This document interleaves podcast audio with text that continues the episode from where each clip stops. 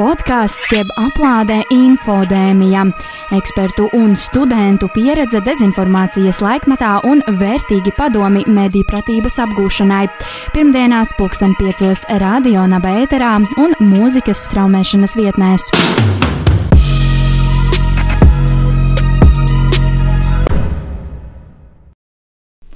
Esiet sveicināti visi podkāstu infodēmija desmitajā epizodē. Nu, Elza, kā mums tur palika ar to, ar to svinēšanu? Nosenēsim, kad būs atļauts. Jā, jā taisnība, taisnība, taisnība. Pagaidām gan mēs, mēs vēl aktīvi turpinām, turpinām veidot šo te podkāstu, aicināt dažādus viesus šeit pie mums attālināti studijā, un, un, un, un tā tālāk vēl mums ir paredzētas priekšā vairākas epizodes. Runāsim, mēs plānojam arī pieskarties vēl psiholoģijas tematikai attiecībā uz dezinformāciju un, un, un, un vēl citām, citām tēmām, arī par datu aizsardzību. Kā, bet tas vēl, tas vēl uh, tikai sekos. Šodienas epizodi vadu es, mans vārds ir Elīna. Mans vārds ir Laura. Es esmu Elza. Un, un, un, un šodien pie mums attālināti, kā jau es iepriekš minēju, viesojās Baiva Kaškina. Labdien, Baiba! Labdien! Varbūt uh, varētu sākt ar to, ka jūs mūsu klausītājiem sevi iepazīstināt. Noteikti, jā, tātad es esmu Baiba Kaškina, es esmu CERTLV vadītāja, un CERTLV ir Latvijas Nacionālais un valdības uh, informācijas tehnoloģija drošības uh, incidentu risināšanas centrs, jeb institūcija. Uh, nu, tā vienkāršos vārdos runājot, mēs uh, rūpējamies par kiberdrošību Latvijā un uh, cenšamies veicināt kiberdrošību visdažādākajos līmeņos, gan uh, valsts struktūrās un kritiskajā infrastruktūrā, gan arī visplašāk uh, skatoties valstī, tātad katram gala lietotājam, mazajiem uzņēmumiem un visiem, visiem kas lieto internetu. Uh, jā, šodien uh, Mēs jūs uzaicinājām, lai parunātu par jautājumiem, kas īpaši aktuāli ir kļuvuši šajā Covid-19 laikā, kad viss darbs un ikdiena tiek pavadīta digitālajā vidē. Un viens no pirmajiem jautājumiem, ar kuriem mēs varētu sākt, ļoti būtisks, un es pieļauju domu, ka daudziem interesē, ir, kā visefektīvāk pasargāt savus kontus, savus datus. Nu, jautājums ir no vienas puses vienkāršs, no otras puses nemaz netik vienkāršs, jo konti un dati var būt visdažādākie, un uh, mums ir jāpielieto uh, viena veida atslēgas un, teiksim, drošības mehānismu savam bankas kontam, un, uh, ja tas ir, piemēram, pieslēgums kādam uh, interneta veikalam vai, vai kaut kam citam maznozīmīgākam, tad arī drošības līmenis var būt maznozīmīgāks. Bet nu, tie, tie zelta likumi, ko atcerēties, protams, ir, ka paroles ir tā vājā vieta, uz ko visbiežāk iekrītam visdažādākajos veidos, līdz ar to parolēm jābūt garām un sarežģītām un unikālām. Ir ļoti svarīgi neizmantot vienu un to pašu paroli vairākās vietās. Nākamais uzreiz jautājums, ko cilvēki saka, bet to jau nav iespējams atcerēties, ko tad darīt. Atbilde ir izmantot paroļu pārvaldnieku programmas. Tā tad ir programmas, kurās var saglabāt šīs daudzās dažādās paroles un tālāk jau atcerēties vienu garu un sarežģītu, kas aizsargā šīs pārējās. Un nākamais zelta likums ir, ja attiecīgajā servisā ir iespējams, tad lietot divu faktoru autentifikāciju vai daudz faktoru autentifikāciju. Respektīvi, lai jūs sargā ne tikai paroli, bet arī vai nu mobilajā telefonā jāapstiprina, jāievada kods, vai mēdz būt arī dažādi citi veidi. Un, protams, nu, piemēram, bankas kontam mums jau nav iespējams tikai ar paroli pieslēgties, tur ir vajadzīgs vai nu smart ID vai kodu kalkulators. Tas ir viens no tādiem uzskatāmākajiem piemēriem, kur mēs visi jau izmantojam divu faktoru autentifikāciju. Jo, ja ir iespējot šī divu faktoru autentifikācija, tad, protams, ka mūsu datus un kontu nozagt ir daudz, daudz grūtāk nekā, ja ir tikai šī viena parole, kuru, var, vai, ja viņi var uzminēt, tad ir pavisam slikti, vai viņi varbūt mums kaut kur noplūdusi to tādos veidos, ko mēs pat nevaram iedomāties vai, vai uzzinām tikai krietni vēlāk. Man uh, pašai uh, nu, nosacīt nesen, pirms kādiem diviem mēnešiem, arī tika uzlausts uh, Instagram konts, un, un, un, un tās sajūtas bija tiešām, tiešām tādas briesmīgas, ka, ka ko tagad darīt, un, un, un, un vai tur tā man paroli ir aizgājusi tālāk, un kas notiek, un uzreiz automātiski nomainīju pilnīgi visiem citiem saviem sociālajiem tīkliem paroles, un, un, un, un uztaisīju viņas tādas drošākas arī, un tad, un tad kad es rakstīju Instagramam un lūdzu atgriezt atpakaļ savu kontu, viņi man kādu laiciņu neatbildēja, tad divas, trīs dienas, un tad man atdeva atpakaļ šo kontu, tāpēc mēneši sekoja atvainošanās vēstuli par to, ka tas esot bijis pārpratums un kaut kas, kaut kas tur esot noticies, tad es arī uh, sāku kā, vairāk apzināties to, cik šīs paroļu drošības ir riktīgi svarīgas, un, un, un, un arī, kā jau Baiba minēja, es iestatīju savam profilam šo divu faktoru autentifikāciju, kur, kur dubultā ir nepieciešams ielogoties, lai, lai arī piekļūtu profilam. Jā, diemžēl, ka tavā, tavā situācijā tev tas nāca ar pieredzi. Tāpēc tas gan, mēs iesakām mūsu klausītājiem aizdomāties pirms noteikti tāda saskaršanās laicīgi, ar pieredzi. Jā, laicīgi jau nu, par nu, to jau, parūpēties. Šī jau diezgan viegla pieredze, jo, jo kontu atguvāt, neko daudz nepazaudējāt. Diemžēl tā pieredze mēdz būt arī daudz sāpīgāka. Tā kā, nu, tas mūsu kopējais mērķis, lai lai vismaz cilvēki nenāk, cilvēkiem nenāktos mācīties no ļoti sāpīgas pieredzes. Taisnība, taisnība. Jā. Nu jā, un tagad pieskaroties mūsu raidījuma tādai kā vadošajai tematikai dezinformācijai, mēs to esam līdz šim pārunājuši vairāk kā sociālu problēmu vai kā tehnoloģisku kompāniju risku, bet uh, varbūt mēs varētu pavaicāt jums, kāda jūsuprāt ir informācijas tehnoloģiju drošības nozīme cīņā pret dezinformāciju un, un propagandas izplatību. Nu, šis, protams, nav viegli atbildams jautājums, jo, kā mēs zinām, tehnoloģijas, jebkuras tehnoloģijas var izmantot visdažādākajos veidos. Ja mums ir nazis, mēs varam ar viņu nogriezt maizīti, vai mēs varam, nu, es nezinu, iet durt kaimiņam. Ja?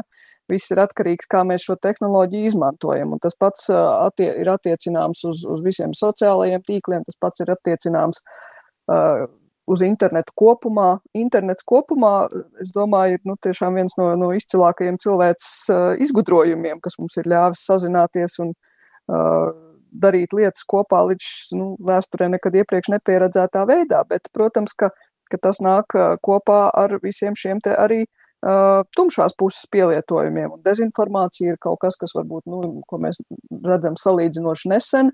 Tāpēc par to šobrīd ir varbūt lielāks uztraukums un, un, neziņa un neizpratne, bet, nu, diemžēl, interneta tehnoloģijas jau, jau kopš seniem pirmsākumiem ir pavērušas ceļu arī, arī cita veida kibernoziedzniekiem, kas vis, visam, kas ir saistīts vai no naudas nozagšanu, vai ar informācijas nozagšanu, vai ar kaut kādu pakalpojumu traucēšanu, vai apmel, apmelošanu. Nu, iespējas visdažādākās, un principā jau tās iespējas ir tās pašas, kas dzīvē. Vienkārši tehnoloģija paver jaunas iespējas to darīt ātrāk, efektīvāk un aptvert daudz, daudz neierobežotāku loku. Līdz ar to nu, tehnoloģija nav vainīga. Tas, es domāju, ir pirmais, kas ir jā, jā, jāsaprot. Un soci, sociālie tīkli arī nav vainīgi. Skaidrs, ka ir jā, jāmeklē veids, kā šo lietu kontrolēt, kā, kā ierobežot, kā, kā varbūt cilvēkus vairāk izglītot, lai viņi kritiskāk skatītos uz lietām. Bet tehnoloģijas jau pašas par sevi mums ir vajadzīgas, lai mēs darītu tās labās lietas. Jā, šo, šobrīd bez tehnoloģijām un interneta liekas, ka mūsu dzīve būtu apstājusies. Nu, pilnībā, kas noveda Iedomājieties, arī... kas būtu, ja pirms Covid mēs nebūtu paguvuši uzbūvēt internetu. man, man ļoti patīk internetā. Labi, ka Covid norisinās 2020. gadā, nevis, teiksim, 2003. kad, kad bija oh, Nokia, un tad tu sēdāt mājās spēlēt tikai čūskiņu. Jā, šādas atziņas noved arī pie nākamā jautājuma. Vai attālinātais darbs uh, ir radījis kādus jaunus kiberdrošības riskus? Nu, konceptuāli jaunus es teiktu, ka nē, bet, protams, ka viņš ir sāsinājis un pavērs daudz plašāku uh, lauku visiem uzbrukumiem, kas, saistīti, kas ir saistīti ar attālināto piekļuvi. Ja līdz uh, pandēmijas laikam attālinātā piekļuve netika izmantota tik daudz un tik plaši vismaz Latvijā un Latvijas valsts iestādēs, tad uh, sākot ar pagājušā gada martu tā jau ir jaunā norma, Līdz ar to ļoti daudz cilvēku strādā no mājām, un ļoti daudzām darba vietām ir bijis jā, jā, jāatver uh, viņiem piekļuve iekšējām sistēmām uh, no tām ierīcēm, kas vairs neatrodas pašās, pašas iestādes perimetrā.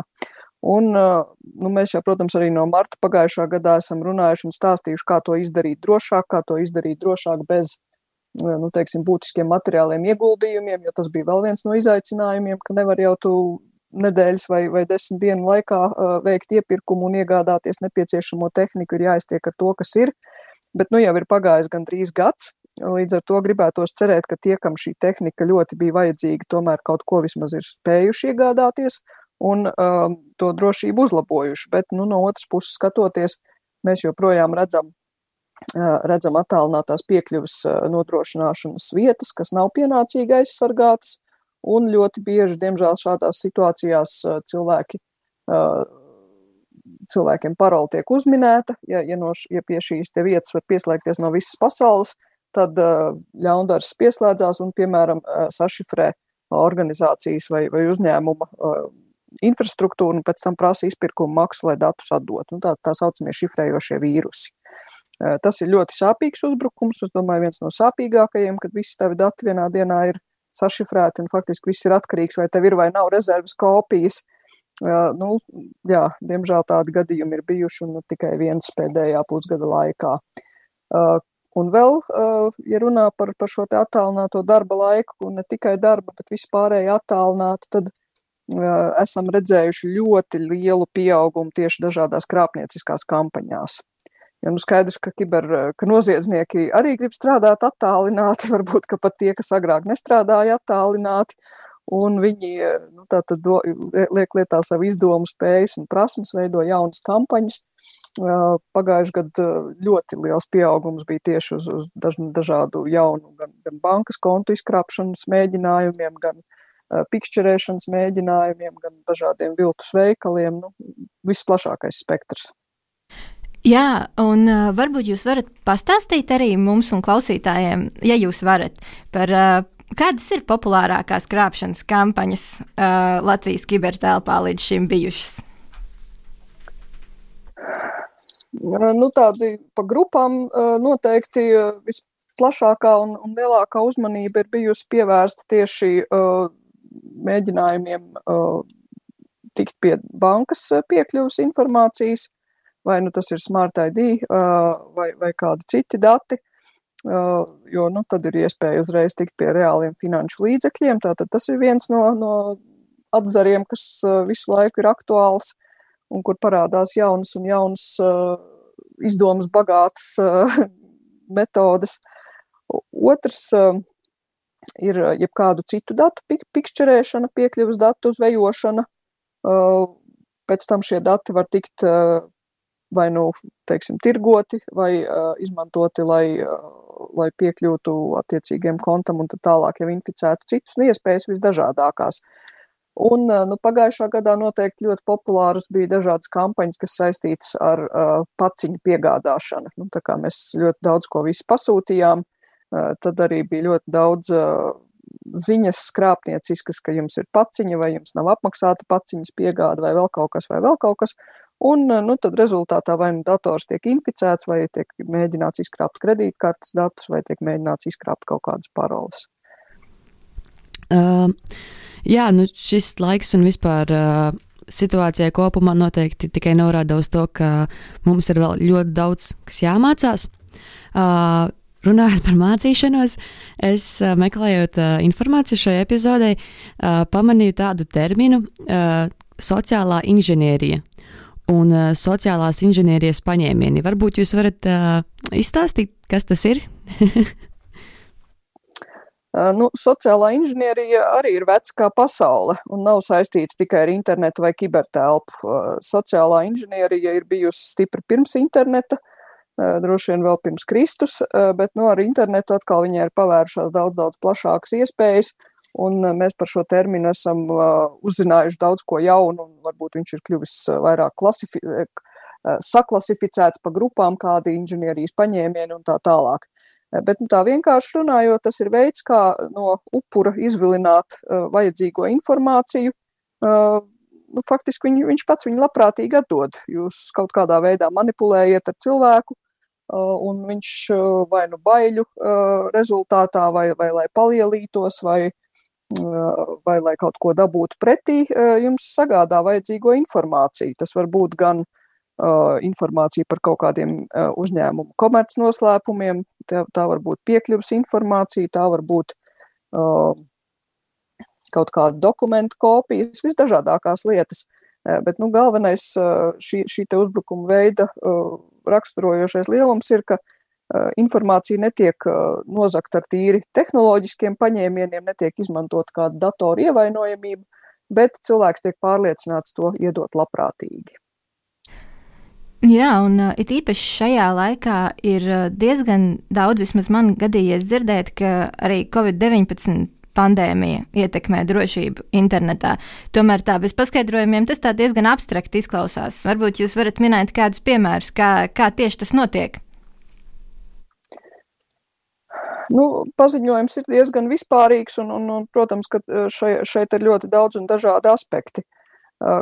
Kopumā es teiktu, ka, ka situācija nav krasi mainījusies, ja mēs skatāmies uz, uz kaut kādām apdraudētajām IP adresēm Latvijā gada griezumā vai, vai apdraudējumu daudzumu tad būtisku pieaugumu mēs neredzam. Nav tā, ka ir ļoti dramatisks pieaugums bet eh, visticamāk mainījusies ir tieši šo te apdraudējumu kompozīcija. Un uh, pavasarī, kā jau minēju, bija ļoti daudz dažādas aktīvas krāpnieciskas kampaņas. Skaidrs, ka aktuālākā tēma bija tieši par Covid-19. Sākot ar uh, inficēšanās uh, kartēm, kas izrādījās uh, viltus linki uz, uz vieta, vietnēm, kas inficē datoru, turpinot ar informāciju par, par piemēram, zālēm vai vakcīnām, Nu, un tad eh, šobrīd, 20. Eh, gada beigas, 21. gada sākums, eh, vakcīnas ir ļoti aktuāla tematika, kas tiek izmantot visdažādākajās krāpšanas kampaņās. Bet tas, cik tas ļoti ietekmē drošību, jau ir atkarīgs nu, no, šo, no cilvēku, kas saņem šos viltus ēpastus vai krāpnieciskos ēpastus, uz viņu modrību un izglītotības līmeni. Un šajā ziņā nu, man gribētos teikt, ka tomēr nav tik slikti, ka, ka cilvēki mācās un diezgan labi mācās. Un, e, mums, e, nu, vismaz kā certam, mēs saņemam ļoti daudz ziņojumus par to, ka, lūk, te ir e, kārtējais krāpnieciskais ēpasts, vai jūs par tādu jau esat informēti. Savukārt mēs šo informāciju apkopojam un visas šīs krāpnieciskās saites liekam savā ugunsmūrī. Tad mums ir tāds projekts DNS mūris, kuru var izmantot jebkurš Latvijas interneta lietotājs, kur mēs liekam mm, šos aizdomīgos, aizdomīgās saites iekšā, un kamēr viņas ir aktīvas, tikmēr lietotājs, kas lieto DNS mūri, no viņām tiek pasargāts. Tā kā ir arī šāda aktīvā iespēja aizsargāties, un tiešām ļoti daudz cilvēku arī ziņo un sūta mums informāciju, lai mēs varētu šo savu DNS mūri uzturēt aktualizētu. Jūs pieminējat tādu aspektu kā uh, izglīt, izglītības līmenis, bet tieši domājot, tā kā kiberdrošības jomā, varbūt jūs varat uh, ieteikt mūsu klausītājiem. Uh, Kādas iespējas, piemēram, pašmācības ceļā, kā mēģināt sevi izglītot šajos jautājumos? Nu, viens piemērs noteikti ir jūsu mājas lapa, bet varbūt kaut kādi informatīvie materiāli vai filmas vai, vai kaut kas tam līdzīgs, jo šobrīd jau daudzas lietas ir atkarīgas no pašiem un ir jāapgūst pašmācības ceļā, un varbūt jūs zināt, ir kādi pieejami kaut kāda informācija, kaut kas izglītojošie materiāli, kaut kas tam līdzīgs. Materiāli, protams, ir daudz, latviski mazāk, bet nu, liela daļa cilvēku jau ar to rēķinās. Tātad mūsu pašu certu lapā mēs publicējam vairāk tādas tieši tehnoloģiskās un aktuālās lietas, bet mums ir otra lapa esidrošs.lv, kas ir domāta tieši izglītojoši materiāli ne IT speciālistiem par IT drošību. Un pagājušajā gadā mēs arī publicējām tur rokas grāmatu tā ir vairāk domāta iestāžu un organizāciju darbiniekiem, bet principā jau aktuāli jebkuram, kur ir apkopoti gan uzbrukumu veidi, gan, gan pamatlietas par to, kā, kādas tad vajadzētu aizsardzības metodas pielietot pašam, kā arī, protams, organizācijas kontekstā, tātad esi drošs.lv. Un otrs resurss, kur ir ļoti daudz labi materiāli, ir saistīts ar drošāka interneta centru, kuri vairāk nodarbojās tieši ar bērnu un jauniešu izglītošanu par satura jautājumiem. Tā kā droši internets.lv tur arī ir ļoti plašs materiālu klāsts. Noteikti iesaku apmeklēt šīs divas lapas, un nu, pēc tam jau tad var meklēt kaut ko sarežģītāku, vairāk un, un droši vien arī angliski. Es vēl, kamēr mums ir mazliet laiks, gribēju paspēt jums ātri paveicāt, ka pētot jūsu darbu, es atklāju vienu interesantu lietu, ka ir izveidota Nacionālo bruņoto spēku zemesardzes um, kiberdrošības vienība. Varbūt jūs varētu pastāstīt, um, kādas ir tās funkcijas un kā tās mainās, sāsinoties uh, dezinformācijas apjomam. Kiberdrošības vienība ir izveidota jau um, 13. vai 14. gadā, ja nemaldos, diezgan sen, un uh, mērķis ir uh, veidot uh, tātad šo brīvprātīgo vienību ar cilvēkiem, uh, kurus valsts varētu piesaistīt krīzes situācijā, lai viņi varētu palīdzēt certam, milcertam un, ja nepieciešams, citām institūcijām tajā brīdī, kad ir kaut kāda kiberkrīze un kad ar esošajiem uh, resursiem nepietiek. Šī ideja ir ļoti veiksmīgi attīstījusies, un vienība, cik es zinu, ir pilnībā nokomplektēta. Tur ir sapulcējušies pārstāvi gan no valsts sektora, gan no privātā sektora, kuru mērķis tad ir veicināt savus prasmes tieši kiberdrošības jomā un Kopīgi ar CERTLV un Milcert šīs kiberdrošības vienības pārstāvi piedalās dažādās mācībās. Tātad, kā jau, kā jau arī reālajā fiziskajā vidē notiek dažādas mācības, tā arī virtuālajā vidē, gan Eiropas līmenī, gan NATO, gan nacionālā līmenī. Un parasti Latvijas komandu mēs veidojam kopā gan mēs, gan arī pārstāvi no kiberdrošības vienības. Uh, ikdienā šie cilvēki visbiežāk strādā kādos citos uzņēmumos vai iestādēs, bet uh, šīm mācībām vai uz citām uh, notikumiem mēs varam ar viņiem strādāt kopā. Ir bijuši arī vairāk gadījumi, kur šī vienība iesaistījusies reāli incidentu risināšanā. Saistībā ar dezinformāciju nu, man būs grūtāk komentēt, jo tas nav tieši certa lauciņš, un nu, tur arī, es domāju, šī iesaiste ir pašlaik tāda sarežģītāka, jo uh, nevienam jau nav, uh, kā to teikt, skaidra kaujas plāna, varbūt teiksim tā šajā jomā.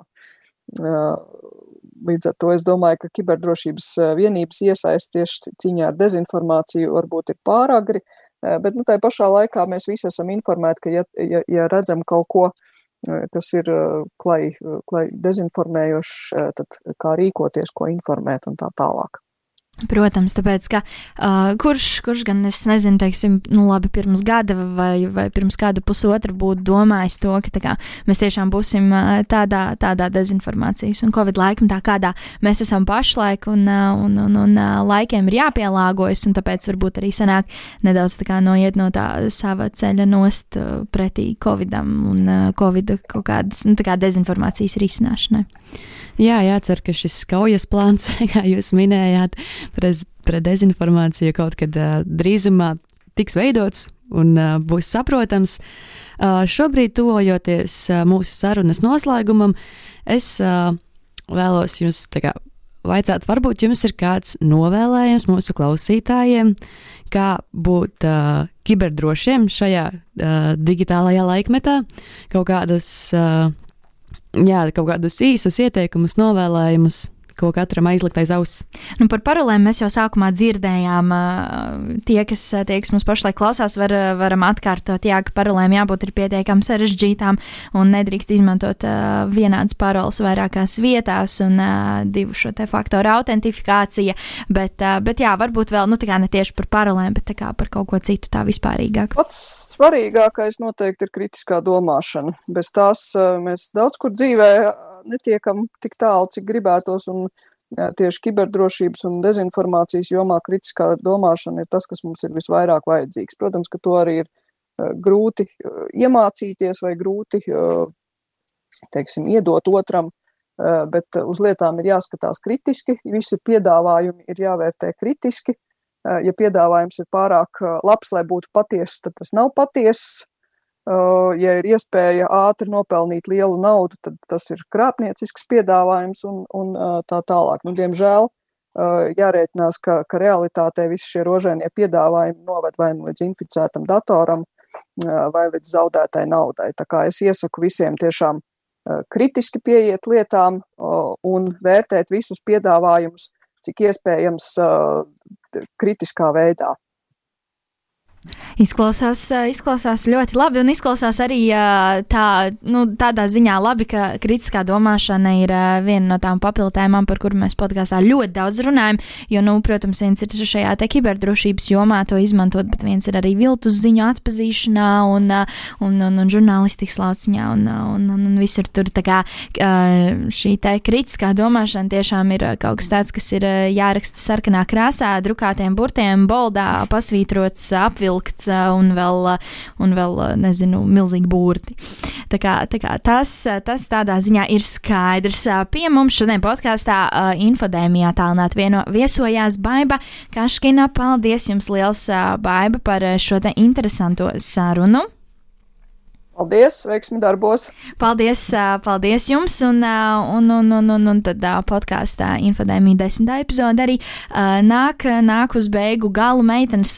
Kā, kā jums tagad nav bail iet iekšā Instagramā, Facebookā un tur kaut ko rakstīt? Nu, nav tik traki dzīve jau turpinās, tikai jāpiedomā par tādām patiesībā elementārām lietām, par kurām ikdienā nav laika aizdomāties. Jā, jāatcerās, ka atsevišķās vietās jāliek dažādas paroles un tādas lietas, kuras patiesībā nav tik viegli vienmēr atminēties, kas jādara. Ziniet, kā slingais latviečs jau vienmēr, eh, vienmēr ņems to vieglāko ceļu, bet varbūt šeit ir, eh, šeit ir nedaudz vairāk jāpiedomā un jāpieņem tas nedaudz sarežģītākais ceļš, lai pēc tam neiekultos nepatikšanās un lai internets un sociālai tīkli vēl joprojām būtu tāda uh, pozitīva vieta, kur uzturēties. Uh, Podkāstu infodēmija desmitajā epizodē ar jums kopā biju es. Mans vārds ir Elīna. Mani sauc Elza. Un mans vārds ir Laura. Paldies jums liels par, eh, par klausīšanos. Un, eh, un, un, un jā, tieši kā jau Vēls teica, tā tiksimies eh, nākamnedēļ, nākamajā epizodē ar daudz jaunām, interesantām tēmām un, un, un, un, un, un nu, vi, visu par un ap dezinformāciju, jo mēs vēl joprojām turpinām šeit darboties. Bet līdz tam, atā! atā. čau, čau! Podkāsts jeb aplādē infodēmija, ekspertu un studentu pieredze dezinformācijas laikmatā un vērtīgi padomi mediju pratības apgūšanai. Pirmdienās pulksten piecos radio nabēterā un mūzikas straumēšanas vietnēs.